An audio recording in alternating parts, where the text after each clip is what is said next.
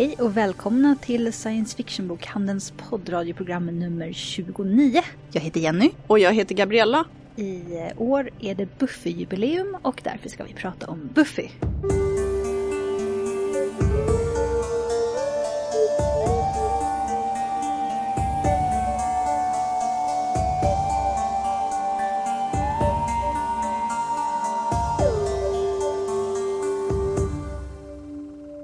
Alltså 20 år sedan som tv-serien om Buffy the Vampire Slayer hade premiär på amerikansk tv. Men det är inte allt. Vi har även besök från Livrustkammaren som ska prata om sin svärdsutställning. Vi får lite tips om Joss Whedons andra serier och vi avslutar den här gången med Vårt liv i rymden. Den sista delen i Mats lilla novell om forskarna som försöker uppväcka Peter Englund i framtiden. Det har ju precis varit Buffy 20-årsjubileum och därför sitter nu jag och eh, mina kollegor Linda och Sofia här, våra främsta Buffy-fans på butiken och ska prata om Buffy nästan hela programmet. Jag tänkte börja med att fråga hur ni kom in på Buffy. Hur upptäckte ni Buffy? Jag tror Linda får börja eftersom du är det äldre Buffy-fanet av oss. Jag hittade ganska sent till serien. Ja, det gjorde jag med. Ja, nej, men alltså det är ju sådana grejer som gick på tv på dagtid när jag gick i skolan fortfarande. Jag kommer ihåg vilket eh, liksom, det första avsnittet var. Jag råkade sätta på tvn och så var det Drusilla, det visste inte att det var Drusilla då, men det var det i alla fall, som satt och bekände sina synder för någon präst under någon slags medeltid. Jag tänkte att så här, ja, nej men det verkar väl vara det roligaste som finns på tv just nu och såklart avsnittet. Men så tänkte jag, äh, det var väl inte så roligt. Några år senare så blev jag informerad om att det var inte, det var inte okej att jag inte hade tittat på Buffy. Det var, det var inte godtagbart. Så jag sattes eh, framför första säsongen av Buffy av Lisa som var en gammal kollega. Hon sa, nu, nu tittar du på det här. Och det gjorde jag. Och på den vägen är det. Jag fastnade inte heller faktiskt första gången jag såg Buffy. Det var samma sak. Jag såg det på tv lite grann. Tittade lite sporadiskt på några avsnitt. Och sen när jag såg om första säsongen igen, då var jag bara helt fast. Ja men den tjänar ju verkligen på att man ser den i rätt ordning och från början. Det är ju liksom det som är seriens styrka. Jag hade ju sett filmen många år tidigare. Ja men det är ju inte en... Samma här. Filmen hade man ju sett många gånger tyckte jag. Visst underhållande men inget allvarligt sådär. Och jag var väldigt motvillig mot tv-serien. Jag var sådär, nej, en high school-serie med någon, några små blonda som springer omkring och dödar vampyrer. Det är nog ingenting för mig. Men också där några år senare så gick det ju repriser varje dag. Just i tid till middagen. Mm. Man satt och tittade på. Jag kom in i det lite senare säsonger. Det var faktiskt säsong 5 och 6 som fångade mig. För att då var det ju inte high school-serie längre utan då har hon lämnat high school. Just det, hon började ju på universitetet. I Och sen säsong... ut i yrkeslivet till och med. Ja, just det, till och med det. Ja. Och det är det som är så skönt med den, att de får faktiskt utvecklas. De är inte fast i en, en oändlig loop i high school. Det är sant. Serien utvecklas och går ett år i taget. ja, jag var ju också en av dem som när jag väl hade tittat på Buffy tvingade alla som jag kände att titta på Buffy också. Ja, samma här. Många omtittar med svägerska, med vänner Mm. och i sällskap av andra Buffy-fans också till och med. Och den passar väldigt bra att sträckse. Ja. Att den har den där kontinuiteten och refererar tillbaka till saker som hände för flera säsonger sen ibland. Ja, precis. Och jag fastnade ju själv direkt för Buffy, huvudpersonen själv, hon var alltid min favorit. Men där går ju åsikterna verkligen isär. Har ni några favoriter? Jag tycker det har förändrats. Vid, alltså både att jag har blivit äldre. Jag var ju tonåring när den kom. Nu är jag ju snart medelålders. Ja men 20 år, det är ändå stor skillnad Ja, när man börjar titta och när absolut. man tittar nu. Jag kan ju verkligen känna att jag i början tyckte att Willow var fantastisk. Hon är ju fantastisk, men jag relaterar kanske mindre till henne idag och mer till Buffy. Jag tycker ändå att Buffy funkar. eh, Hon får liksom oförtjänt mycket kritik eller oförtjänt lite favorisering. eller vad man ska säga. Hon bär ändå serien för mig. Sen så älskar jag Giles. Ja, Giles. Nu när jag tittar om på serien så, så är Giles... Samma här, det är Giles jag identifierar mig med nu för nu är jag i hans ålderskategori. Och Ja. tycker att han är den enda förnuftiga av dem. Men annars är ju min stora favorit Spike. Han är så rolig. Alltså jag älskar också Spike. Och det är ju så att han, han får ju göra de roliga sakerna. Har de underbara replikerna. Ja, precis. Han Sätta igång en så. massa elände och skapa kaos på ett väldigt underhållande sätt. Det är en tacksam roll. Ja, Det är en Ja. jättetacksam roll att vara liksom the bad boy. Jag är kluven måste jag säga. Jag, Men han gjorde mycket av det också. Han var ju tänkt att bara vara en liten bad figur som dyker upp i några avsnitt och sen blir, blir dödad. Men Ja, det är han tog precis- skruv och eh, fick stanna kvar och blev så småningom series regular och väldigt populär. Men Det var ju många som eh, gillade att para ihop honom med Buffy redan innan serien gick den vägen om man säger så. Det känns ju som att det var kanske därför att, att det var någonting som... Ja, de kände av att det var populärt kanske. Buffy var ju en av de första serierna där när, när det blev stort med internetforum och serieskaparna faktiskt började diskutera direkt med fansen efter det att avsnitten hade sänts. Så de Ja. fick ju feedback på ett mer omedelbart sätt än vad kanske serieskapare hade fått innan. Här kommer en spoiler då. Ja, precis. Nu, nu Ja, men om man de inte tog har sett allt. till sig kritiken när de hade dödat Tara, Willows flickvän, om att homosexuell kärlek alltid straffas. Och det, det tänkte de ju att ja, det blev ju dumt. Mm. Och sen så gav de henne Willow en flickvän som det gick bra med i sista säsongen. Det- Och det var en direkt reaktion på att fansen påpekade att det där blev dumt. Man glömmer ju lätt eh, hur snabbt åren går. Det är ändå 20 år sedan. Ja, Och situationen i media var ganska annorlunda på den tiden. det är någon slags första kärleks... Jag är... Kyss. Jo, första kyssen som Ja. visades på det väl? primetime Mm. mellan två lesbiska karaktärer.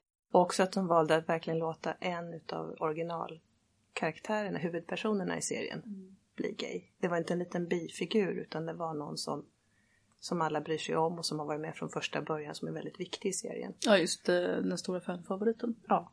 Och det måste jag ju säga till och med idag att det är nästan omöjligt att se. Det, det börjar bli bättre, men det är fortfarande extremt ovanligt att se huvudpersoner bli tillsammans med någon av sitt eget kön. Att det fortfarande blev en så stor grej eh, med tredje säsongen av Skam. Liksom det fick vara den stora tråden den säsongen. Eh, och liksom hur svältfödd man har varit på. Man märker hur svältfödd publiken är på det för att det blev ett sånt internationellt fenomen. Ja, verkligen. Vi upptäckte ju den alla tre via tv-tittande första gången. Jag tror de flesta gjorde det. Och sen köpte man boxar. Jag ska säga att det är den första serien som jag har köpt boxarna. Det, och det var liksom den första serien där jag insåg att man kunde titta på en tv-serie på det sättet. Att man inte behövde vänta på att det skulle gå sändas. Nu är det en helt annan situation när man har Netflix och andra streamingtjänster och ofta kan se hela säsonger åt gången. Ja, nej, jag kommer ihåg, jag köpte, köpte den på VHS i början. Mm, Eh, samma här faktiskt. och sen gick jag över till DVD när det kom. Serien byter ju ton Flera gånger. fr- flera gånger från början till slut. Så att eh, man kan ju verkligen välja säsong efter humör också. Till första säsongen var kanske lite mer lik filmen. Den var ju mer lättsam än vad serien blev. Det finns ju den fantastiska roliga dialogen. Känslan av skapad familj. Det finns en väldig värme i serien hos karaktärerna. Och en omtänksamhet hos Ja, för de har ju varandra. inte så mycket gemensamt men de funkar ändå väldigt bra ihop när de väl finner varandra. För de, det finns liksom någonting där som binder dem samman. Men sen samtidigt finns det det här gravallvaret att de duckar inte för det svåra. Att en huvudperson kan plötsligt bli ond och mörda någon annan huvudperson. Det här avsnittet, eh, The Body, har ju fått väldigt mycket beröm. Väldigt mycket, blivit väldigt prisad för hur den framställer Buffys mammas död. Ja, hur de nästan fryser tiden i och med att de lägger inte på någon musik alls. Det som tar tid får ta tid i tystnad. Det får vara svårt. Ja, men sen blir det också hur de ehm, ställer det mot. Det finns en scen när de är på sjukhuset när plötsligt dyker upp en vampyr och den här vardagen gör sig påmind och det blir musik igen. Måste deala med sådana saker även i en katastrofsituation. Precis, men de gjorde ju inte bara allvarliga, finstämda, prisade avsnitt. De gjorde ju en hel del roliga avsnitt också. Till exempel, alltså, jag tror att det är många personers favoritavsnitt, eh, musikalavsnittet. Som nästan har givit upphov till ett helt fenomen av andra serier som också måste göra musikalavsnitt. För att eh, Buffy gjorde det och det blev en sån enorm Men Buffy succé. var inte det första, eller hur? Eh, återigen var Sina- Xena var före. Ja, Warrior. Princess gjorde det året Ja. innan. Men eh, det... Inte lika hyllat. Nej, Sina var ju inte lika stor serie. I Buffy sjunger ju alla skådespelarna själva. Det är ingen som har liksom någon inhyrd musikalartist som sjunger deras saker. Med lite olika resultat. Med lite olika resultat. Men det är en del av skärmen. Men det är ju också någonting så ovanligt som ett musikalavsnitt som faktiskt driver handlingen framåt. Och inte... Alltså där har ju Buffy som serie ett övertag mot andra serier just för att det är en övernaturlig värld. Så det går att förklara det här avsnittet. Jag tycker att i många andra serier så blir det som ett Ja, avbrott I, I Grey's. Anatomy kan det kännas mera pålagt liksom. Ja, Ja, precis. Det finns en, en eh, struktur i själva uppbyggnaden av eh, serien som gör att det funkar. ja, verkligen. Och sen så är det ju en av de roligaste lösningarna på, på ett skurkproblem. De kommer på att det är Sander som har framkallat den här demonen. Och det är han som måste bli hans prinsessa. I underjorden. Och då bestämmer sig demonen för att äh, kanske inte var så viktigt ändå. Men det är inte riktigt det som är grejen. Det är så, så är det ju med Buffy alltid, att monstren används som metaforer för något allvarligt eller riktigt problem som man kanske går och brottas med som tonåring eller ung vuxen. Tycker ni, har ni sett in om Buffy nyligen på senare år? Tittar lite då och då. Igår tittade jag på Becoming-avsnitten, bland annat där Drusilla bekänner inför prästen och så som du pratade om nyss. Ja, apropå favoriter så är ju Drusilla är ju en av mina favoriter. Oh, hon ju är fantastisk. underbar. För att eh, jag tycker verkligen om eh, kvinnliga karaktärer som får vara, som är roliga. Ja, hon får vara kul. Mm. Och som får Hon är kul. jätterolig. När hon och. Sander slåss är ju Sämsta stridsscenen comic någonsin. gold. Alltså, det är ju man, alltså kunna relatera till precis hur det skulle se ut Ja. om jag hade en, en episk fight. Dra lite i håret och lite håglöst. Sparka lite på knäskålen. Ja. Vifta lite med handflatorna. Men eh, funkar serien fortfarande? Den är ju rätt så gammal nu. Eller funkar bitar av den fortfarande? Ja, för mig funkar den fortfarande, men det är klart jag älskar ju serien. Eh, man ser ju att bildkvaliteten i säsong 1 och 2 framförallt inte är den bästa längre. Och, eh, ja, man kan fnissa lite åt en del frisyrer och klädkombinationer Ja, från de tidiga säsongerna. kanske inte... Men dialogen och eh, manusförfattandet håller absolut och skådespeleriet. Det är gediget hantverk i varje avsnitt. Jag kan ju tycka att en del av feminismen och så börjar kännas lite gammaldags nu.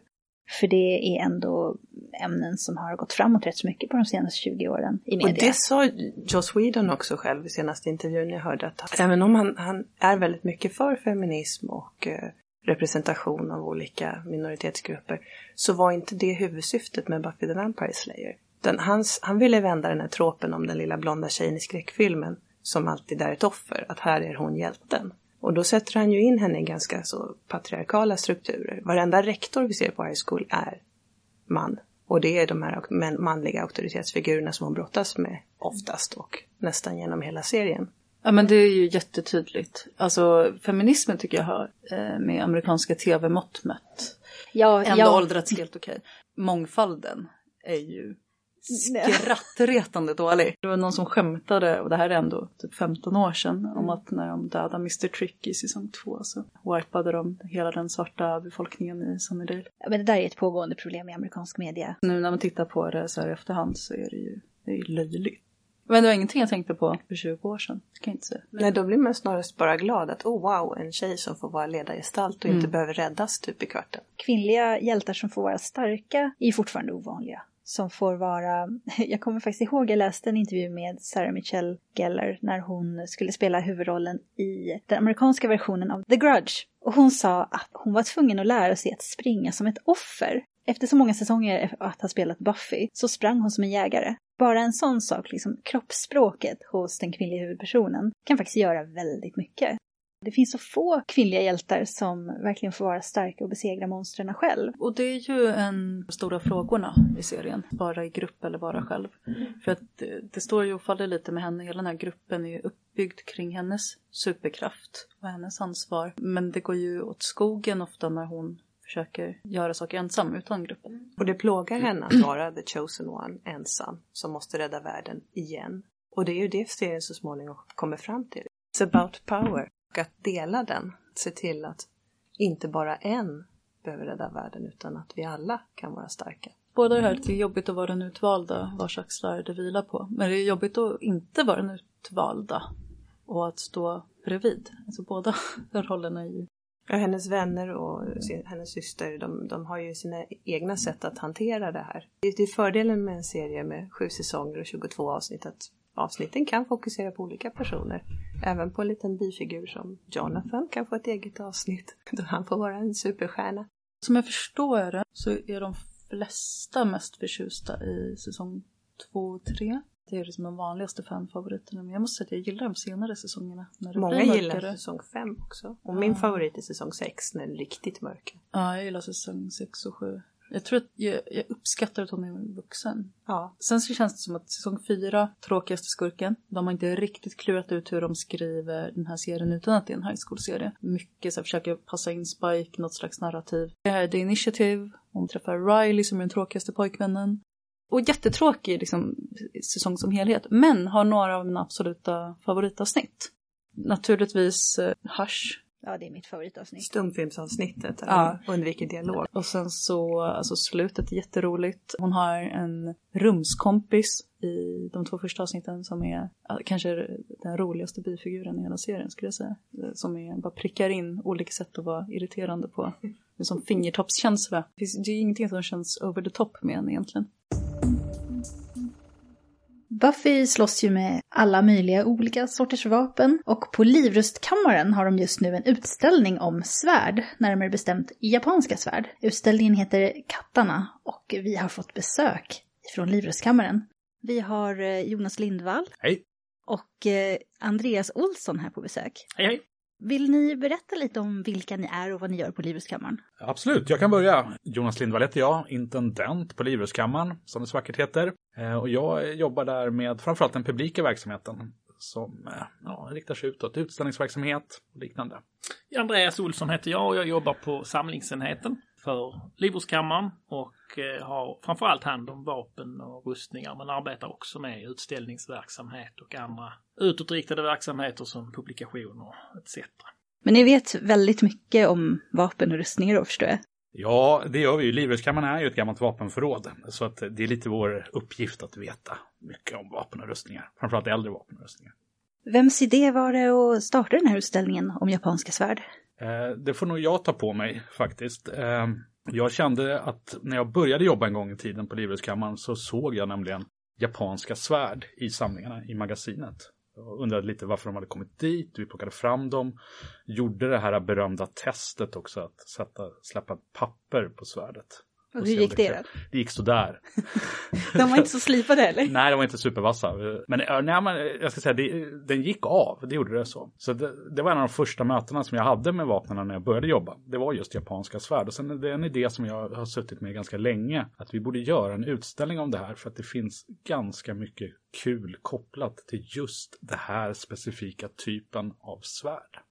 Ja, det faktiskt eh, mer nu på sista tiden har jag börjat lägga märke till än vad jag har gjort någonsin förut. Jag har ju mest eh, själv stött på dem inom japansk kultur som jag själv är intresserad av. Men det finns ju väldigt mycket i västerländsk kultur också. Ja, absolut. Eh, det var också en sån här bakgrund vi hade när vi satte igång med vårt lilla projekt Katanas japanska svärd i fakta och fiktion. Mm. För alltså, det här svärdet har ju fått, det är ett närmast ikonartat svärd, katanan, det japanska svärdet. Du känner direkt igen att det här är ett japanskt svärd när du ser det här svärdet på grund av dess utseende. Och i mängder av fall, om man tänker framförallt inom fiktion kanske, så används det här på väldigt många spännande sätt. I rollspel så är till exempel katanan, den har ofta plus två, medan det vanliga svärdet har plus ett.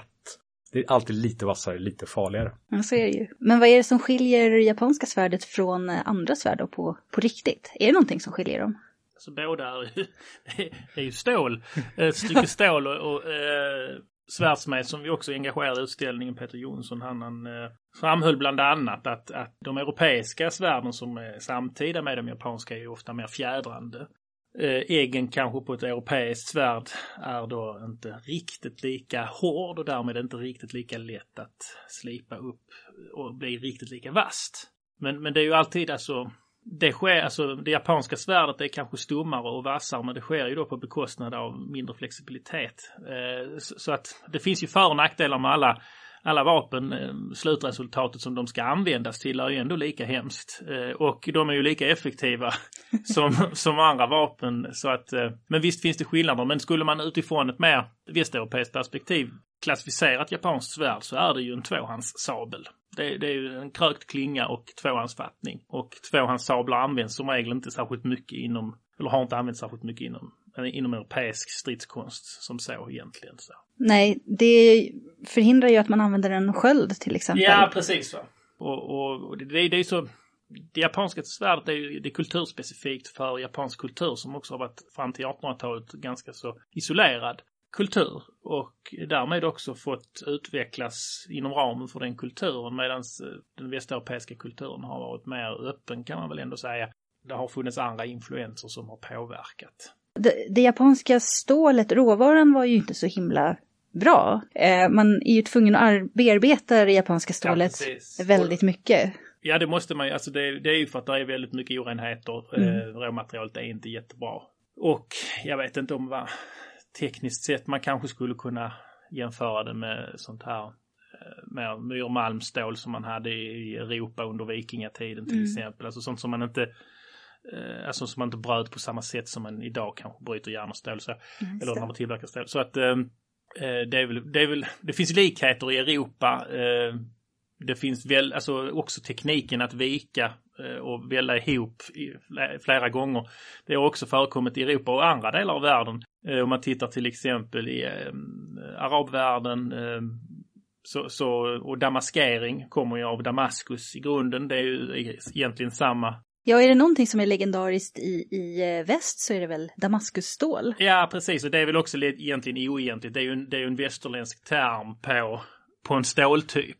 Att det skulle komma från Damaskus. Men det är väl kanske snarare så vad jag förstår i alla fall. Att det är ganska så, alltså inom både i Asien och i, och i arabvärlden, en, alltså generellt sett Mhm. hur, man, hur man har kunnat äh, smida vapen och, och så. Och ofta är det ju då, eh, det man lägger märke till är ju den här, det här vackra mönstret som bildas i stålet. Ja, precis. Det är Ja. ju samma sak i japanska Ja, svärd. att, precis. eh, Så, så, att, likartade tekniker har funnits i Europa. Men, men visst, det finns både likheter och skillnader såklart.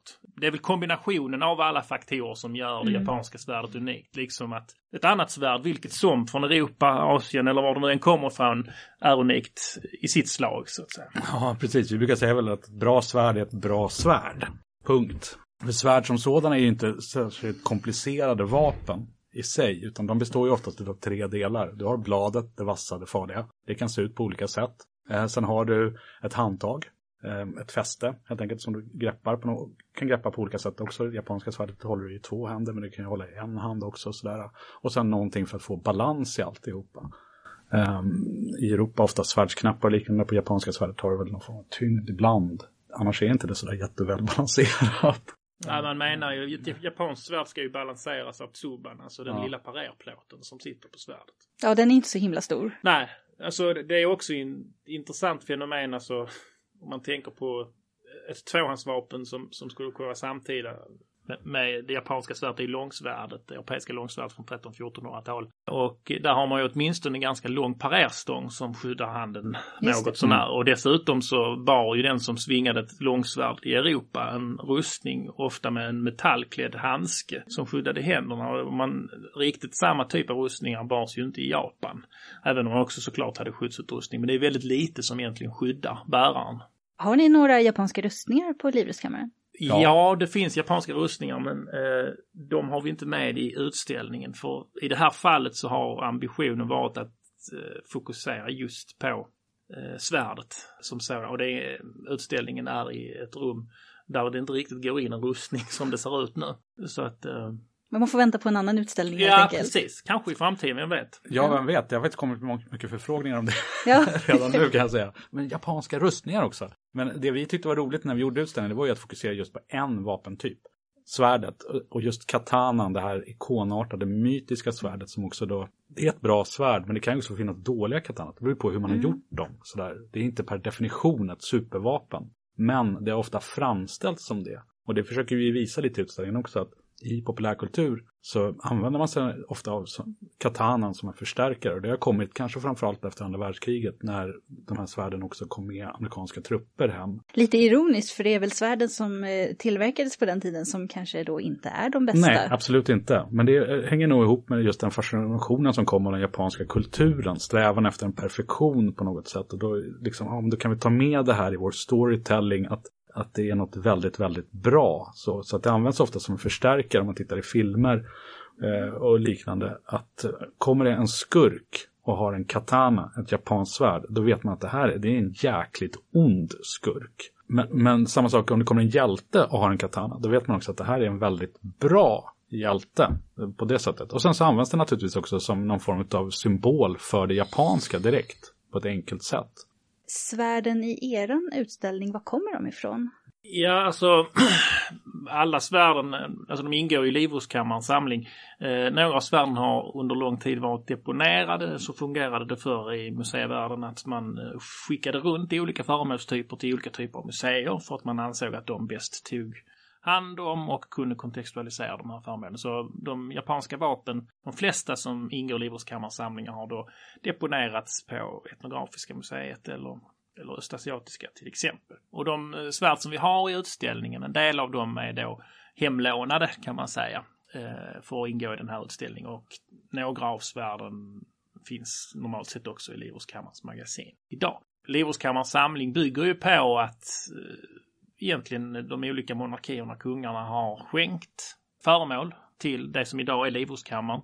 Det var Gustav Adolf som en gång startade Livrustkammaren men efter det så är det ju alltså, ja, Kungliga Majestätet som skänker föremål. Och eh, så vi har svärd i utställningen nu idag som eh, är från Gustav V samling, Karl XV samling till exempel. Också prins Oscar Bernadotte, hans resa till bland annat Japan med fartyget Vanadis 1883 till 85 tror jag det var. Mm. där köpte han eller införskaffade på något vis svärd som också han tog med sig hem. Så, så, så det, är, det är liksom de kungliga samlingarna framför allt som, som, som också återspeglar den, det japanska. Och det, det ska man ju komma ihåg också att även tidigare, så ganska långt bak i tiden om man tittar på 1600-talet när man hade så kallade rustkammare, inte bara kungliga rustkammare, så var det inte alls ovanligt att utomeuropeiska vapen ingick i dem. Ibland kanske det var krigsbyten, i annat fall kunde det vara sånt man köpte för att man verkligen ville på något sätt samla hela världen. Ja, ingen samling, vapensamling var ju komplett om du inte hade turkiska, japanska och så vidare. Man skulle ju ha det där va. Och det, det är intressant för just japanska svärd är ju kända åtminstone från sent 1600-tal. Att det har förekommit i Sverige i vapensamlingar. Mm. Det finns bara ett belägg för det. Jaså? men, men, det, men det fin- räcker. Men det finns ett belägg för det. Ja, men det visar att folk har hört talas om det i alla fall. Ja, och det finns kvar i den vapensamlingen. Den, Ja, det gör det. den wrangelska rustkammaren på Skoklosters slott har ett japanskt svärd som är äkta och det som är nästan mer intressant är att det finns också ett förfalskat japanskt svärd från 1600-talet där. Är det så? Ja, vilket alltså torde tyda på att man har förstått att det har funnits ett intresse eh, och människor har i någon mån tyckt att det har varit intressant, så pass intressant att man faktiskt har gjort en kopia eller något som skulle se ut som ett japanskt svärd för att sen kunna sälja det. Alltså det är jätteroligt. Det är ju intressant också för att Japan var stängt under Ja. 1600-talet och det var i princip, jag tror bara det var holländarna som hade någon liten handelsstation i Japan som fick handla med Ja, just det. Japan. Det är ju mer gissningsvis men kanske är det så att det här japanska svärd som då är från Japan som finns där Eh, en gång har alltså sålts till holländarna och kanske köpts av någon svensk eller så som har varit i Amsterdam. Vet du om man känner till vem som har tillverkat svärdet eller om det är Nej, jag, signerat? jag tror inte det är signerat. Överhuvudtaget när det gäller vår utställning Katana, så det är, det är många svärd som är signerade. Det är Ja, något det är väl tre, Ja. tre styck. Där är Ja. ändå ganska många signerade, Ja. men, men det finns ju väldigt många svärd som, och, alltså så, det finns svärd som inte är signerade alls. Eh, och, och det är samma sak när man pratar, just när man pratar om det här med, med det japanska svärdet som alltid mycket bättre än, än andra svärd. Ja, alltså bara i vår utställning så finns det ju svärd som är kanske av de som skulle samla på sånt här och som värderar det här eh, är det väl eh, ganska fina svärd. Men det finns ju också svärd som inte alls synes hålla någon högre kvalitet. Alltså de fungerar självklart som svärd men det är kanske inte just det här. Ja, smederna har ju olika skicklighet. Ja precis så är det ju. Så, så att det, det, kvaliteten varierar ju. Ja, sen beror det ju också lite på vad man vill med svärdet. Alltså, de japanska svärden fungerar ju också under en väldigt lång period som någon form av konsthantverk också. Att eh, inte enbart stridsfunktionen utan det ligger in någonting att du, det ska vara ett vackert föremål också. Och så är det ju än idag i Japan egentligen att man samlar på de här och, och de är vackert tillverkade. Ja, det finns ju en hel, eh, det finns ju instruktionsböcker om hur man ska ta fram och titta på de här svärden Mm. som man har. Så, men eh, ni hade ju en svärdsmed på besök. Mm. Har han eh, själv smitt något japanskt svärd? Nej, jag tror inte han har gjort det. Nej, Eh, han pratade faktiskt om eh, det här eh, kulturella i det hela, menade han på. Alltså han smider, smider svärd inom den västeuropeiska traditionen, eftersom han själv är västeuropé också. Och han är ju inne lite på att det ligger någonting, han, skulle inte, han menar på att han skulle inte kunna göra ett japanskt svärd på ett bra sätt. Han skulle naturligtvis, rent funktionellt kan han ju naturligtvis tillverka men det blir inte riktigt samma sak. Nej, det var hans uppfattning Ja. som tolkade genom oss. Ja. Eh, Men det visar ju på att det här eh, nästan magiska skimret kring svärdsmederna, det har inte försvunnit ens i vår moderna tid. Nej, det har det inte eh, faktiskt. Peter Jonsson då, svärdsmed, han räknas ju idag som en av världens bästa svärdsmeder. Och västeuropeisk. Så, att, så det finns, och nu är inte konkurrensen mördande bland svärdsmeder. Sådär. Nej, det kanske inte Men är... hans svärd är otroligt eftertraktat bland samlare också. Det här formandet utav stålet. Det har, har varit magiskt länge. Ja, intresset för den här utställningen har ju varit jättestort har jag förstått. Ja, det har det varit. Eh, Är det ofta fullt där inne? Har ni någon... eh, Ja, det har varit ganska fullt. Ehm, Vi hade ju, när vi invigde så var det ju så fullt så vi var tvungna att stänga museet för att eh, vi hade för mycket folk i lokalerna helt enkelt. Ja, jag vet, jag gick dit och jag kom inte in. Jag var tvungen att vänta. Har ni någon dag som ni tycker att det är bättre att gå om man... Eh, alltså, har man möjlighet så är ju veckodagar är ju alltid bättre än helger i Livrustkammaren. Uh, eh, Livrustkammaren är ju idag ett museum som tar emot närmare en halv miljon besökare om året. Så det kan stundtals vara väldigt mycket folk i museet. Så, men oftast, det, det brukar gå. Ja, är det någonting annat som ni vill eh, pusha för när ni är här? Någonting som händer i Livrustkammaren? Alltså vi har ju en del programverksamhet kopplad till själva utställningen som är naturligtvis är rolig också. Som jag då inte har datumen i huvudet. Här. Men det kommer visas filmer, bland annat av Kurosawa. Vi kommer visa mangafilmer för den här utställningen pågår ju väldigt länge nu. Den, den kommer hålla på ända till... till efter årsskiftet faktiskt. Den, vi stänger den 8 januari 2018. Ja, så att eh, ni kommer ha programpunkter då under hela... Under hela våren, hela hösten. Vi har bland annat prova på aktiviteter. Man kan testa iaido och kendo. Eh, Vi kommer visa filmer. Vi kommer ha föredrag kring det här. Så det är ett fullspäckat schema. Var hittar man det här schemat? Eh, Allra enklast är att gå in på livrustkammaren.se och gå in i kalendariet. Där hittar man alla punkter. Då ska vi se till att göra det. Tack så mycket för att ni ville komma. tack själv. Tack! Det här med liksom skurkarna i de olika säsongerna gör ganska mycket för Ja, ofta är det ju en stor Big Bad per säsong. En stor skurk som, eh, även om det är standalone avsnitt på vägen, så drivs det fram emot en någon slags uppgörelse med den här storskurken. Och den första säsongen är ju den allra enklaste verkligen. Ja, det är en väldigt klassisk mästervampyr. Som sitter fast i en begravd kyrka under Sunnydales Jätteklassiskt. Ja, vi- visuellt inspirerad av Nosferatu. Jag måste säga att jag gillade ju verkligen Glory. Ja, Hon är rolig, säsong fem. Mm, minst favorit hos mig. Det jag tyckte var roligt framförallt, det var, det var hur alla hela tiden glömde bort hur hon hängde samman med... Eh, Sin värdkropp. Men det är någon scen när, nu ska vi se, är det Spike Is everyone here very stoned? ja. som är den enda som, som faktiskt kan komma ihåg det här? Och alla bara glömmer, och de glömmer liksom om och om igen inom loppet av någon, några minuter bara. Ah, jag skrattade så jag grät. Eh, Jag ser din poäng och jag ska säga att jag tycker att alla säsonger av Buffy är bra. Men ja, nej, inte favorit. Jag tycker att Borgmästaren är ju fantastisk. Oerhört välspelad. Groener. Oerhört välspelad. Sen så är ju naturligtvis säsong två det här med att bli kär i någon som visar sig vara dålig. Ens egen pojkvän som blir skurken. Och att hon inte kan lita på sitt omdöme, inte lita på, på att den hon älskar vill henne väl. Om hon sen förmår ha ihjäl den hon älskar. Om hon blir tvungen att göra det. Det, det som jag tycker är lite jobbigt med den säsongen, det är ju det här med kvinnlig sexualitet som ska bestraffas. Jag förstår verkligen din poäng. Eh, Jag har inte riktigt sett det så själv. Eh, Nej. Jag förstår varifrån det kommer. Men jag- jag har tänkt att så här, det de flesta tror jag kan identifiera det här. Att, eller identifiera sig med att, att bli kär i någon man vet inte är så bra. Att man vet att personen inte är bra. Den har inte behandlat den väl. Men känslorna finns kvar. Sen det är ju inte riktigt vår kultur heller, det är ganska Det är en typiskt amerikansk... eh, puritansk kultur. Absolut. Det är så Absolut, det är väldigt tråkigt och tydligt. det har kanske inte åldrats superväl. Men, det Men- är otroligt välskrivet drama. Ja, men jag tror att den stora boven är någonstans Buffys känslor. Liksom. Det är att hon, hon vill kunna släppa honom. Hon möter honom flera gånger och liksom skulle ha kunnat döda honom men Kan inte kan förmå sig. inte förmå sig att göra det. Ehm, och just att göra, göra slut, ja det blir någon Den här första Allergi. kärleken Precis. som är det stora Romeo och Julia-dramat. göra slut på ett dåligt förhållande. Ja, Stora frågor att tampas med. Speciellt för, för ungdomar. för en tänker jag. 16-åring. Men den har ju också den här fantastiska scenen när Eh, han frågar om jag tar allt det här ifrån dig. Om jag tar dina vänner, dina vapen, vad finns, ja, vad finns då kvar? Jag själv. Ja. Och det är så himla, eh, en så himla stark eh, replik. En sån styrka. Liksom det, det är hon själv som är stark och hon finner det inom sig själv. Och det Mm. tycker jag är ett, ett av de bästa budskapen som den här serien har fört fram. Oh, ja. Som fortfarande verkligen håller. Ja, jag tycker säsong två är den bästa relationssäsongen. Mm. Ehm, jag tycker att um, Willow och Oz, Ja, de var väldigt deras förälskade. relation där är jättefin. Spike och Drusilla. Ja.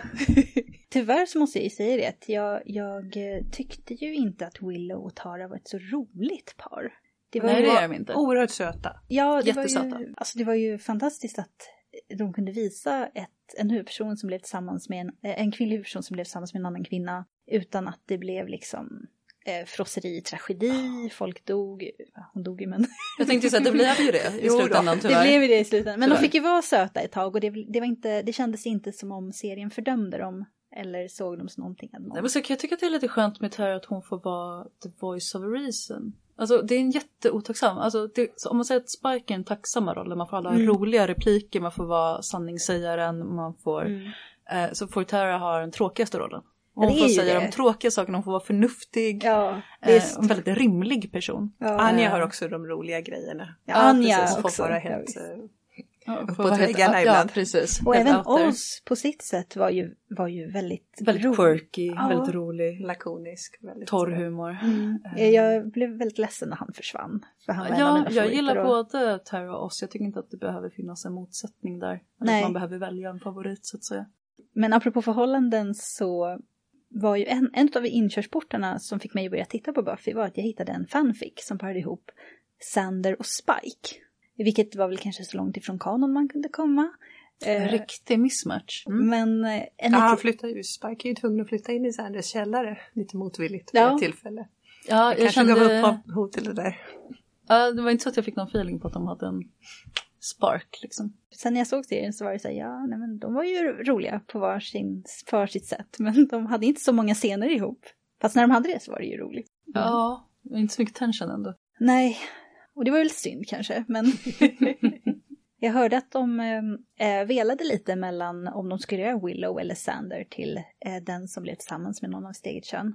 Nu, nu kallar de ju, de säger att Willow blev gay då. Ja, det här med bisexualitet verkar ju som vanligt inte. Men det var Existera. 90-tal, nej det... Det, kommer, det reagerade jag på redan då. Att så här, hon säger, ja men nu, nu är jag gay. Eh, nu är det bara tjej som gäller. Och så kan det ju absolut vara, så kan man känna. Mm. Men det behöver kanske inte vara så svart och vitt. Eh, Men de valde ju Willow till slut då.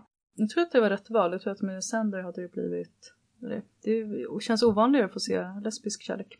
Ja, för Sander är ju en av de mer komplicerade personerna i och med att han kan vara ganska osympatisk ibland. Otroligt Ja. osympatisk när man ser om serien så här efterhand. Ja, ja visst, framförallt hans bitar har väl kanske åldrats sämst. Ja, men det här, det, tror, det är svårt att, jag är så glad att de tog upp det här i en, en, typ fem år senare. Men att han inte lämnar budskapet till Buffy om att Willow håller på att ge tillbaka Angel sin själ.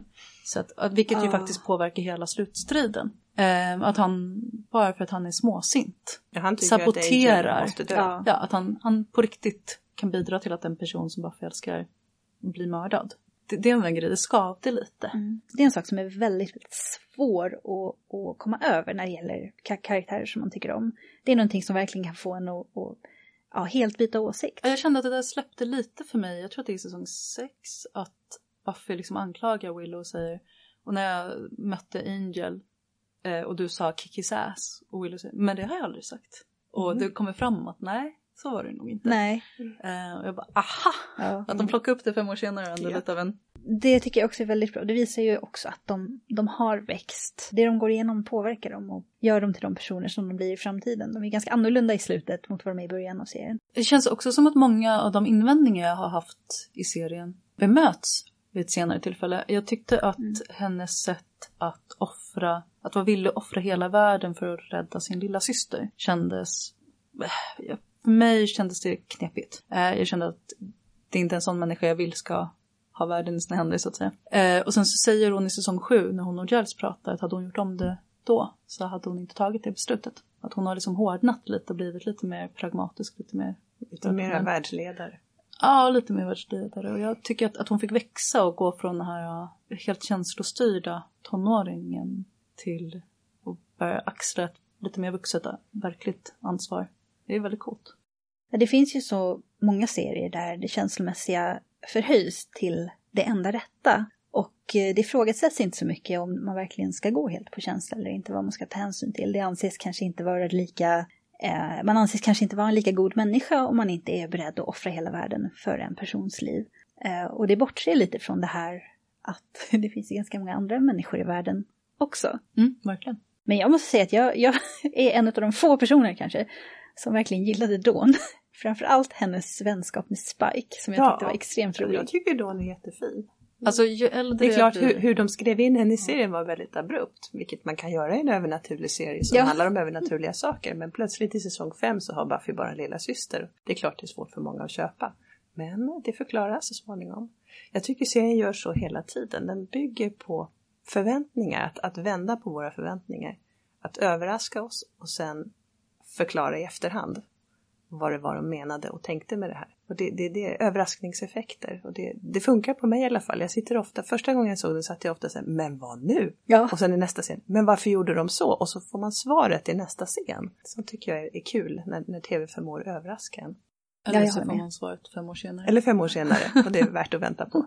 Ja, men jag, jag tycker också om det här när de, de lägger fram en handling eh, som, som bara händer. Man kommer in mitt i händelsernas mitt. Man vet inte riktigt vad som händer eller varför men eh, man får pussla ihop det liksom vart, vart efter man ser avsnitten.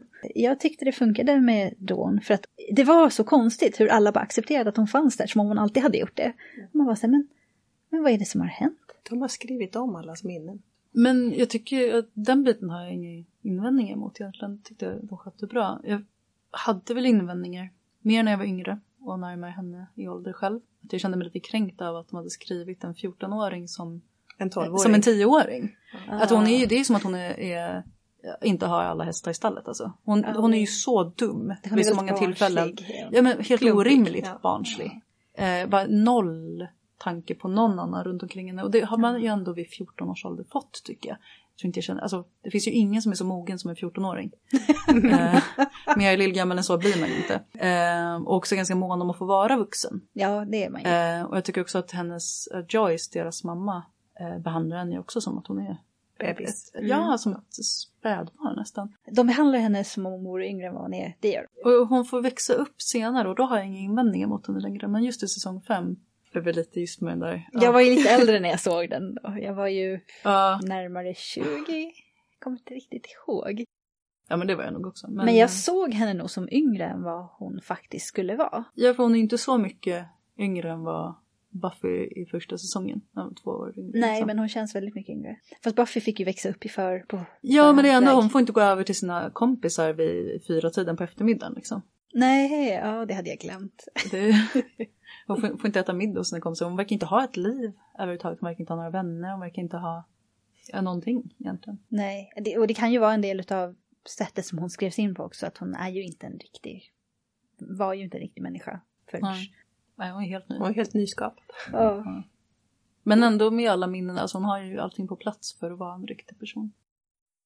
Är det någonting i serien som, som ni verkligen tycker inte räddas senare? Någon, liksom, en nackdel med serien eller en, ett dåligt avsnitt som verkligen är så här nej, där gjorde ni ett misstag. Jag menar det är en lång serie, det måste ju finnas någonting som man inte kan förlåta. Jag har ju en sån här, där jag, jag har läst intervjuer med Joss Whedon om att det liksom inte var hans avsikt att det skulle bli som, som det blev så att säga med Buffy och Spike. Utan att det här våldtäktsförsöket Ja, att det liksom, Spike ska ju vara personen man inte ska vara med. Han är ju en Ja. abusive boyfriend liksom. Och att han har blivit en så stor fanfavorit. Jag kan känna att det är problematiskt att han har skrivits som att som att det han gjorde inte är en grej, som att det var någonting rimligt. Och folk pratar om att Angel eh, ju också har gjort hemska saker. Men där har de ju byggt upp det som att det är två olika personer. Att Angel och Angelos är två olika personer. Spike har de ju skrivit som en hel person. För att de förmänskligade honom så otroligt mycket som demon. Nej, det Sämre hår. ju... Typ. Nej, för, Ja. för Lauren i, i serien är ju att när du blir biten och blir gjord till vampyr, Ja. då försvinner din själ och demonen flyttar in och tar över. Så att säga. Men Men vissa som- av dem har behållit flera av sina mänskliga drag, som. Spike och Drusilla som ändå är väldigt mycket sig själva Kan fortfarande. älska och... Kan älska och ha känslor och vara ganska mänskliga Mm. trots att de är demoner. Men eh, Angel, när hans själ försvinner, han, han blev ju straffad med en förbannelse, han fick tillbaka sin själ. Det är därför han är den här vampyren med en själ. Och när han förlorar den blir han ju en helt annan, Angelus. Mm. Ja. Och där är det- kanske inte så mycket hur serien är skriven utan hur det här har mottagits. Som att eh, Spike är sexig. Ja, många Ja. började identifiera sig med Spike som den, den, så att säga, den som var, blev använd av Buffy för att, i deras förhållande. De Mm. tyckte att han var den som var i underläge och sympatiserade med honom. Och glömde hela tiden bort det här att han, han är ond, han har ingen själ, han är vampyr. Ja, så att då var de tvungna nästan att driva fram det till det där våldtäktsförsöket för att visa att det här är inte ett sunt förhållande. Det här är inget ni borde skippa egentligen. Problemet jag har med det, det är verkligen så här, hur kan han ens våldta henne? Hon, hon är starkare än honom. Hon är ju jätteskadad i den scenen. Ja, men Och också, också att det jag han- tycker att hon det är ett problem med själva författandet. Inte Ja. med liksom, inte inuti själva eh, handlingen, inte om man ser på det från ett watsonianskt perspektiv om man säger så. Att eh, man förstår varför karaktärerna handlar som de gör och så vidare, utan, utan från ett författarperspektiv. Personen som skrev det här eh, har, jag vill inte säga missförstått karaktärerna, för det är ju ändå författaren, så så har de skrivit de här två figurerna på ett sätt som inte riktigt funkar med deras föregående karaktärisering. Framför allt Spike.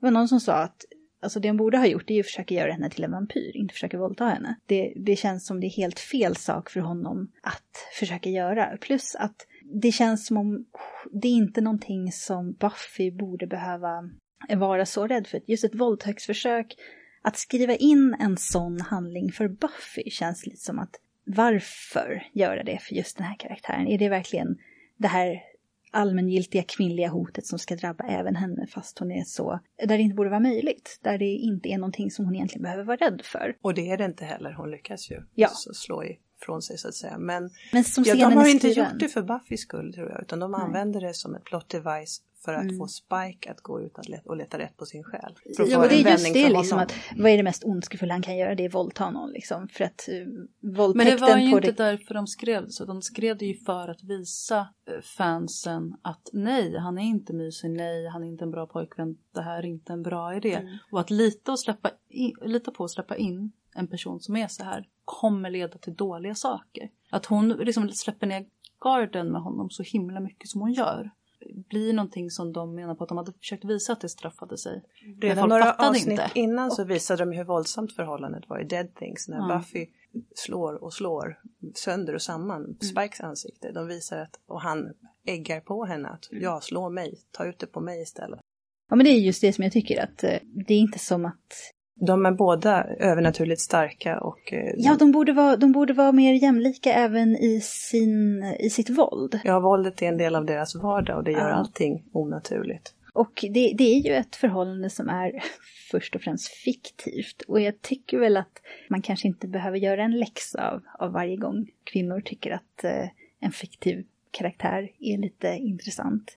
Hela deras relation är ju skriven som någon slags självskadebeteende från Buffys sida. För att hon inte tycker om sig själv, hon tycker inte att hon förtjänar Ja, Men det bra. framgick ganska bra tyckte jag när man får se deras, eh, vad avsnitt när hon blir osynlig. Där tyckte jag det var bra gjort. Och väldigt eh, bra framställt hur hon liksom, ja hon använder honom som Släpper ett, allt ansvar. Ja, hon använder honom som ett redskap för att liksom fly bort ifrån sig själv och ifrån det som hon... Ja, Liksom, den djupa depression som hon genomgår när precis. hon kommer tillbaka i Ja, säsong verkligen. 6. Och just att hon blir osynlig där tyckte jag var ett så himla bra grepp. Det gav verkligen den här, både den här friheten men samtidigt, eh, det visar ju vad som händer när hon försvinner bort ifrån den synliga världen. Det är en lättnad för henne ett tag och hon får frihet att göra vissa saker men hon blir inte lyckligare av det. Och det löser inte hennes problem. Nej, Utan det, det, visar till slut mest. inser hon ju det och det är därför hon gör slut med Spike. Mm. För att försöka ta tag i sitt liv. Det går ju sådär. Ja, men ingen, det, det är också det som jag tycker är bra. Det är att Jag älskar scenen i slutet av säsongen när Giles kommer tillbaka. Och hon berättar allting som har hänt sedan han åkte till England. Och Giles bara hör allt det här och börjar storskratta och kan inte sluta skratta på fem minuter. För att allting har gått så åt skogen. Ja, ett av mina favoritbitar det är ju fortfarande när hon jobbar på den här Double Meat Palace, tror jag den heter, och måste försörja ett helt hus fullt med människor Ja, som inte lyfter lite ett varför finger. de andra inte bidrar. jobb. De har gjort slut på hela hennes arv, de har flyttat in i hennes hus. De Som gör, har översvämmats. Ja, de gör ingenting för att hjälpa till. Och sen skäller de på henne för att hon inte gör någonting. Jag bara, alltså nu, nu. Ja, vuxenlivet. Speciellt kan man känna att, ja men som Tara och Willow som bor där, fortsätter plugga. Och Willow går ner sig i ett magimissbruk som Mm. är en metafor för drogmissbruk. Det tyckte jag kanske var lite överdrivet. Ja, det var det, väl lite det var väl också kanske en liten miss. Men Inte en favorit. mycket av det här som man tycker, måste de göra så, blev ändå väldigt bra drama. Väldigt Mm. intressant tv att titta på. Jag tycker fortfarande att det, det var motiverat av dramatiska skäl, även om det kanske inte var deras bästa beslut. Ofta så tittar man ju på två olika sätt. Man går in i det och är verkligen med på insidan, följer med i handlingen och vad som händer. Eh, och det blir en helt annan sak tycker jag att titta på det från ett utsidoperspektiv. Alltså varför skrev ni det här på det här viset? Det tyckte jag faktiskt var lite onödigt. Mm, den vanligaste debatten kring det där är väl avsnittet Normal Again. Det är det avsnittet när hon eh, antingen ligger på mentalsjukhus och Oj. inbillar sig alltihopa va? Ja. Eller så har en demon gett henne hallucinationer om att hon ligger på ett mentalsjukhus. Jag måste ju medge att jag avskyr sådana avsnitt. Jag hatar det. De riskerar att de inte göra hela premissen som Mm. man, för att, för att man har Ja, investerat det var- det- känslomässigt ja. i den här Mm. berättelsen. Så kanske den inte var verklig. Det tar mig sånt. ur hela berättelsen och så blir jag lite irriterad och börjar fundera på hur de tänkte när de skrev manus och så blir det, ah, nej. Och där, jag tänker att det hade varit okej om de inte hade låtit slutscenen vara att läkarna står runt Buffy och så säger de Ja, vi, vi förlorar förlorat henne. henne. Ja, hon, hon valde fantasivärlden, vi har förlorat henne. Eh, hade de låtit det vara lite mer öppet, men där, där upplever jag, jag vet att många inte håller med, men jag upplever att där så säger de väl ganska mycket att, Ja, att precis. det är det, så det är. Jag väljer ju bortse från att det avsnittet existerar. Smart val. Men det, det är lite så tycker jag med långa serier att det är alltid vissa bitar som man bara inte tycker om eller som man inte tycker passar in. Ja, sju säsonger kommer inte vara perfekta. Acceptera filleravsnitt, att det finns Ja. och även saker som man bara det är kanske är ett bra avsnitt men just det där tilltalar inte mig. Ibland är det ju en smaksak också. Det behöver inte alls vara dåligt. Men alltså jag avskyr ju verkligen, nu tror jag inte det händer i Buffy, men när allting var en dröm. Eller de har glömt Ja, precis nej, allt som min, har hänt. min fasa också.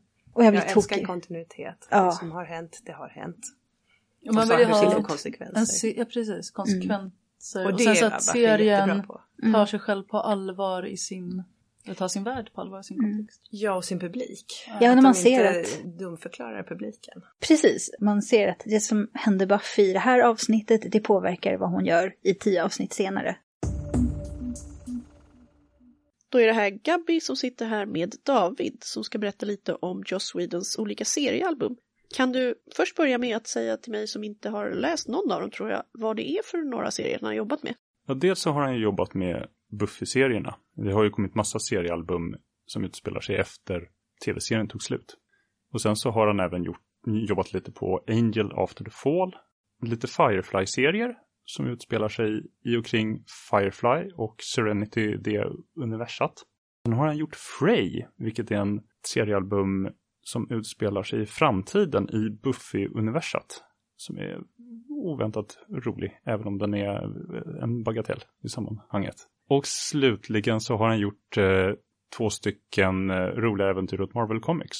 Dels Runaways och dels Astonishing X-Men. Och vilka tänkte du gå in lite mer på här med oss? Främst eh, X-Men och Runaways. Det är de jag har läst igenom allt. Kan vi börja med att fråga, om man gillar Joss Whedons tv-serier, ska man läsa de här X-Men och Runaway-serierna? Det kan man göra om man, han har ju tydliga styrkor och svagheter som går igenom både i tv-serierna och i hans eh, seriealbum. Och det är ju att det är roliga figurer han brukar jobba med, de har rolig, rolig dialog, det är bra teamwork mellan dem. Gillar man dialogen i tv-serierna så kommer man förmodligen gilla dialogen även i seriealbumen och så vidare. Och du nämnde också att han hade styrkor och svagheter. Vad är det du tycker är, som märks just i de här seriealbumen? Dels som jag sa så skriver han rolig dialog. Det kan vara lite störigt ibland att alla låter som Joss Whedon oavsett vem det är. Och det märker man ju även i hans långfilmer tycker jag. Med det sagt så är det ju roligt, jag blir alltid underhållen. Sen så är det också i eh, både Runaways och X-Men så det är ju superhjältegrupper det handlar om.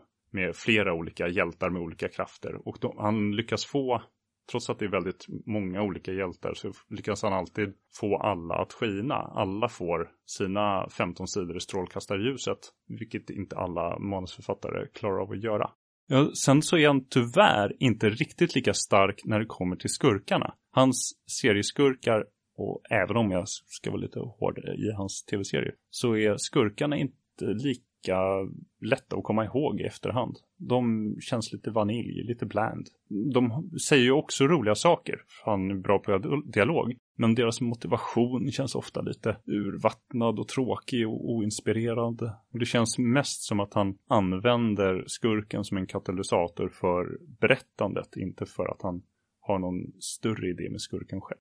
Sen så har han lyckats bra också med att eh, ha en väl uttänkt story arc från första sidan till sista. Ja, det var en sak jag tänkte fråga om för att det kan ju ibland vara svårt att hoppa in som läsare när man ser att oh, det här är en författare som har gjort, jobbat med den här serien som jag gillar. Men så måste man läsa 14 andra crossover-serier för att överhuvudtaget hänga med. Kan man liksom börja med hans Runaways eller? Ja, hans Astonishing X-Men går helt klart att läsa. Man kan hoppa in i första. Man får ännu mer utav det om man kan eh, lite X-Men-historik. Men det är verkligen inget krav. Han, han gör en del små... Alltså han, hänvisningar? Och ja, han gör små, ja. små eh, hänvisningar. Mest för att visa sin egen kärlek verkar det som. Till 40 år av X-Men-historik. Men det är ingenting du behöver veta. För du förlorar ingenting egentligen på att inte veta om det. Man kan börja där, sen om man faller för det läser man om alla andra 40 ja, år precis. och sen får man gå tillbaka. Och inse att aha, det var det han menade när han bad tecknaren rita den här figuren så här. Runaways kan man också läsa fristående, men där för han har, det är ett avslutat äventyr med en väldigt tydlig början och en tydlig slut. Men där är det mer ett in, gästinhopp i andras serievärld känns det som. Jag tror att alla som lyssnar är åtminstone vagt bekanta med vilka X-Men är. Mutanterna i Marvels universum, det är Wolverine och Professorn och Storm och så vidare. Men kanske en kort eh, rad om vilka är Runaways? Det är en ganska rolig historia. Det är ett gäng tonåringar som eh, upptäcker till sin fasa att deras föräldrar som de måste tillbringa sommaren hos i något, någon herrgård på amerikanska västkusten är superskurkar och offrar jungfrur. Det är ju lite jobbigt. Ja, så de beslutar sig för att fly. Därav att de kallar sig Runaways. Och då får de naturligtvis eh, sina föräldrar efter sig och de får även till slut Avengers efter sig för man ska inte springa omkring och med superskurkar i hälarna. Det, det är ganska roligt. Det är ett fint upplägg. Minus Avengers-biten så undrar jag om Derek Landy lät sig inspireras av Runaways när han skrev sin Demon Road-trilogi. För den handlar om en ung tjej som upptäcker att hennes föräldrar i hemligheten är demoner och väntar på att hon ska bli 16 år så att de kan offra henne och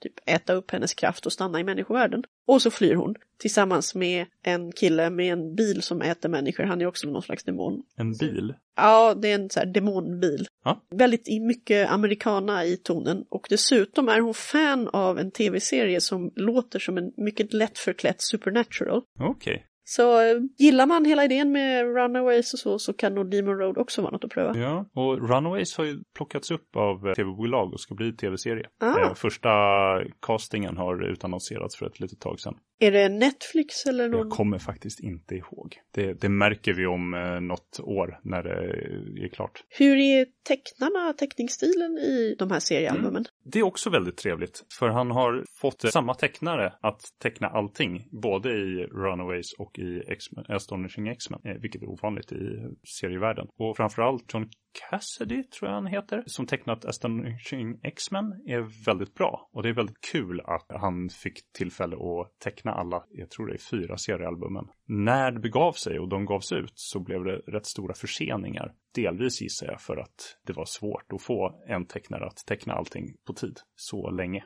Men tack då för denna guide till några av Joss Whedons icke-Buffy-serier. Mm. Om, ni, om ni gillar Joss Whedons dialog så pröva dem gärna. Det, de är roliga. Och vi har dem inne, eller hur? Det brukar vi ha. Buffy slutade ju inte med tv-serien dock. Det finns ju vanliga serier också, alltså pappersserier. Ja, de gjorde säsong 8, 9, 10, 11. Det fortsätter. Men den pågår inte nu va? Jo. Den gör det? Ja, visst, den har fortsatt. Ja, ja, ja. Och i början var det riktigt ambitiöst. Ja. 40 separata lösnummer av säsong 8. Med serieskaparna Joss skrev egna nummer, Jane Espenson. Och den, den de tog in utifrån var ju Brian K. Vaughan, en av de bästa serieskaparna just nu.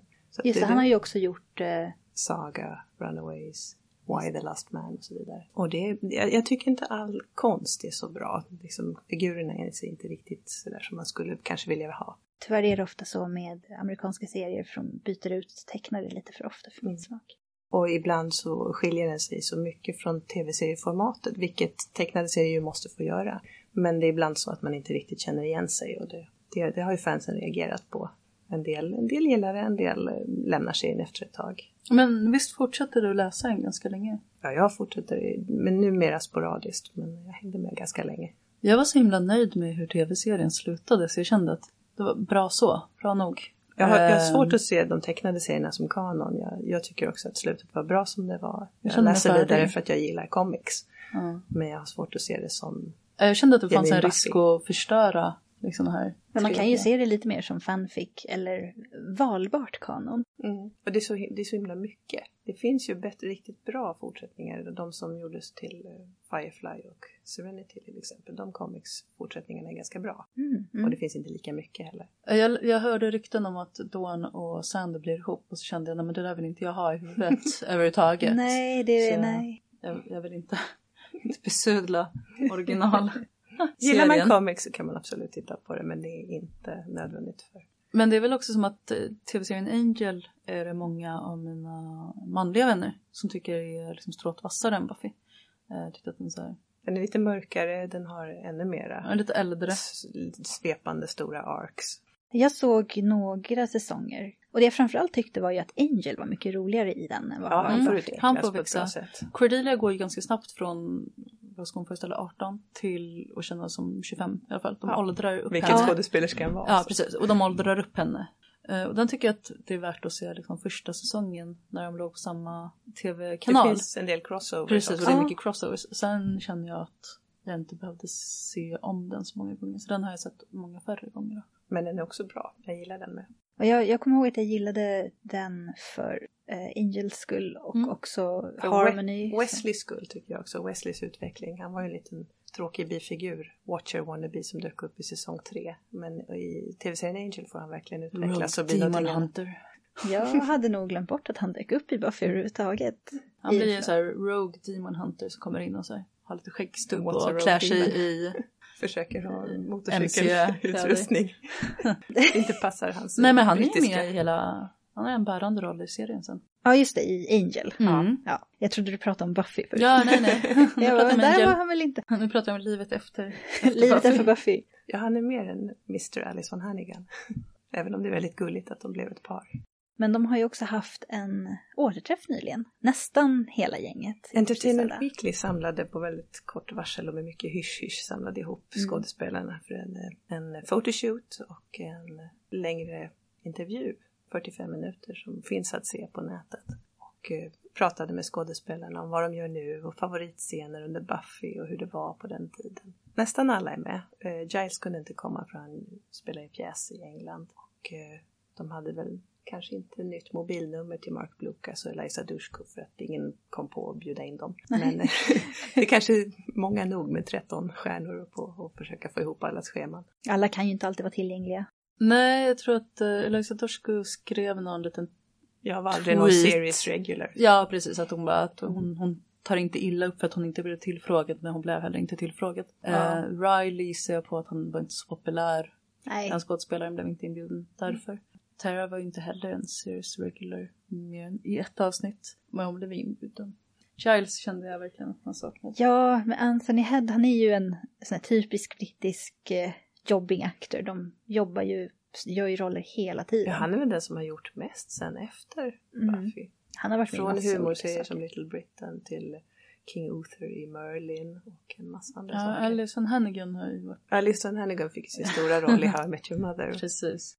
Eh, Men eh, Anthony Head var ju även med i ett avsnitt av Doctor Who. Ja, Mm. Som rektor. Ja, precis. en ondskefull rektor som, som vill ta över världen med sina demoniska följeslagare avkomma. Det här hade jag glömt bort, men det stämmer. Det. Och han vill att doktorn ska förena sig med honom.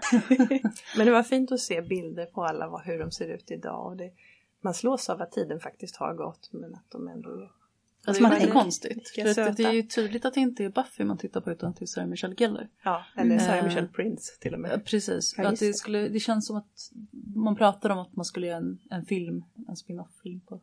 Alltså, jag tror det- det inte jag vill inte ha jag det. på. Jag tror inte jag vill ha det. Och det Nej. går ju inte, jag vill inte se Angel och Spike åldrade. De är vampyrer, de Nej. ser Det exakt funkar inte likadana då. ut Nej, det, de var, det var redan så att det inte riktigt funkade när det begav sig. Ja, för det gick så många år. Ja, precis. Man hann ju se att de blev äldre det går ju faktiskt inte ja, speciellt Jag tror inte Angel. James Marsters vill bleka håret igen heller. Men man har ju sett skådisarna dyka upp i Joss Whedons andra projekt. Det är Ja. lite roligt. Man ser Och det är Amy roligt att det har gått så bra för Joss med stora Avengers-filmer och så vidare. Ja, han skriver ju allt möjligt nu för tiden. Alltså Mm. riktigt stora filmer. Jag tycker ur mitt perspektiv så har han aldrig riktigt gjort någonting som mäter sig med Buffy. Jag vet att många tycker att Firefly bästa serien, men jag tycker Jättefin. Dr. En Horrible säsong-. Ja. Hans lilla webbmusikal. Alltså jag, jag är en sån här tråkig person som faktiskt, jag, jag gör mig extremt impopulär nu känner jag. Jag avskydde Firefly. Ja, jag tycker inte den fick, alltså den kanske hade kunnat bli bra sen. Men en säsong, den hann aldrig bli någonting. Nej. Firefly är fantastisk för oss som är normala människor. Ja, ja. Det är den absolut bästa rymdwestern som blev nedlagd efter 14 avsnitt som någonsin har gjorts. Med fantastisk dialog och avsnittskonstruktion. Se den. Den Det- har sina poänger, men... prioritet. mm, Ja, vi har alla, vi har alla coats. tre olika perspektiv här. en som älskar den, en som hatar den, en som tycker att ja, den hade sina poänger. Ja. Dessa fördelar och nackdelar. ja. Och de orden kan vi då låta omfatta både Joss Whedon och alla hans verk. I och med det här programmet så har vi en ny programpunkt som heter Brev till redaktionen. Framförallt har vi nu fått bidrag till vår tävling. Och där vill vi börja med att gratulera Josef Stark som skickade in ett förslag till oss och vann utlottningen av en signerad Nordiska gudar. Men vi har ju fått eh, flera förslag på saker som folk tycker att vi borde prata om. Bland annat eh, en person som skickade ett enda ord till oss, nämligen dinosaurier. Och det kommer vi visst att prata lite om i framtiden i samband med eh, lite andra typer av urtidsdjur. Sen har vi också fått önskemål om väsen. Det har vi dels tagit upp svenska väsen i samband med vårt program Trollskt och mysigt där vi bland annat intervjuade just Johan Egerkrans men också snackade lite om troll med Siri Pettersen. Men eh, vi återkommer nog och reser världen runt. Vi har också fått ett önskemål om starka kvinnor. Det här är ett ämne som vi ofta brukar försöka ta upp i varje program. Kvinnliga huvudroller, kvinnliga författare. Så vi kanske inte utlovar ett program specifikt om starka kvinnor, men vi tänker ganska mycket på det när vi väljer våra teman. Andra saker som folk vill höra om är Batman och dystopi. Läderlappen går alltid hem. Ja, precis. Det tar vi med i planeringen. Naturligtvis så kommer vi att göra ett program om just cyberpunk som vinnaren av vår tävling hade föreslagit. Det är ju högaktuellt nu med både Ghost in the Shell och Blade Runner Remake i höst. Sista önskemålet var Clive Barker. Vi brukar sällan tillägna program åt enskilda författare, men vi har åtminstone två extremt hängivna Clive Barker-fans här i bokhandeln och kommer kalla in dem vid lämpliga program. Sen kan vi också flagga för att det ju, i år är Worldcon i Finland, som alltså är den största SF-kongressen i världen, där i stort sett alla författare, och då menar jag alla ni kan tänka er, brukar dyka upp. Vi kommer intervjua en hel hög av dem och därför ligger också programplaneringen i år lite lösare än vanligt eftersom vi vill se vem som dyker upp och hur vi kan passa in dem i våra teman. Så om ni har fler förslag om vad vi ska spela in, vad vi ska prata om eller synpunkter på programmet så är det bara att mejla till oss, skriv till Facebook eller meddela er på vilket sätt ni vill. Vårt liv i rymden. En krönika från science fiction-bokhandeln. När nu kommer hem igen försöker han skriva. Det går inte alls. Människor, tänker han, har en gemensam överenskommelse om hur verkligheten ser ut. Alla tar sin biologiska kropp som något givet. Vad annat kan de göra? Alla människor behöver äta andra organismer. Blad och rötter, spannmål, frukt, grönsaker, fiskar och kreatur. Alla behöver inhämta och avge en viss sorts blandning av gaser med hjälp av lungorna och leva inom en synnerligen snäv temperaturgräns om de inte ska frysa eller stekas. Alla människor behöver sova. Alla åldras och ingen blir mer än drygt hundra år gammal. Alla är med små variationer fysiskt och mentalt som alla andra. Och människan kan bara producera avkomma med hjälp av en annan människa. Englund lutar sig bakåt på stolen. Så såg också min verklighet ut, tänker han. Jag hade ju ingen annan att välja på. Verkligheten bodde i min kropp och kroppen angav gränserna för mitt jag. Det gick inte att komma undan. Men det var då. Nu, när jag kan räkna med att fylla 150 eller mer och fysiskt och mentalt är mer än en människa, har jag ingen gemensam verklighet med människorna att luta mig mot. Han försöker skriva igen. Med samma dåliga resultat. Det är det här med känslor. Evolutionen har inte för inte sett till att människor har haft tillgång till sina känslor. Men människan har inte kommit underfund med sina känslors komplexitet. Men hon kan skönja dem, ana samband. Det är därför man skriver romaner till exempel. Men nu, när han är en cyborg och inte längre lyder under evolutionen, står han då också över känslornas tyranni. Är hämnd en känsla som han är kapabel till? Kärlek? Medlidande? Köttets lustar? Kan han bli uttråkad? Eller är han en cool upphöjd maskin som slipper hormoner och adrenalin och allt det där som hittills styrt hans liv? Han känner efter. Utan tvivel är det så att somliga känslor är avtrubbade och har tappat i betydelse. Märkligt, men det finns något annat också. Andra känslor som man aldrig upplevt förut. Känslor som saknar namn för de har aldrig upplevts av hundraprocentigt biologiska människor, endast av cyborger. Känslor som måste beskrivas. Engel lutar sig framåt, samlar tankarna och börjar skriva. Senare, när Englund till slut somnat, passar vi på att byta kropp på honom. Döden står lutad över oss och hötte med näven, men hans makt är bruten. Vi laddar upp Englunds medvetande innan vi byter kropp och vi gör ett par backuper. Nu finns det flera Peter Englundare. När han vaknar ser han förunnat på sin nya, friska och obegagnade kropp. I nästa ögonblick börjar han skriva. Berättelsen är inte längre linjär eller möjlig att förstå för hans forna jag, men det är fortfarande samma berättelse och det finns ju många nya ting och tilldragelser att skildra. Han drömmer om stjärnorna och ett av hans medvetande kommer snart att ge sig av dit. Det ryktas om att man har etablerat kontakt med utomjordisk intelligens i 50 ljusår ut i galaxen. En kort väg för någon vars jag färdas med ljuset hastighet.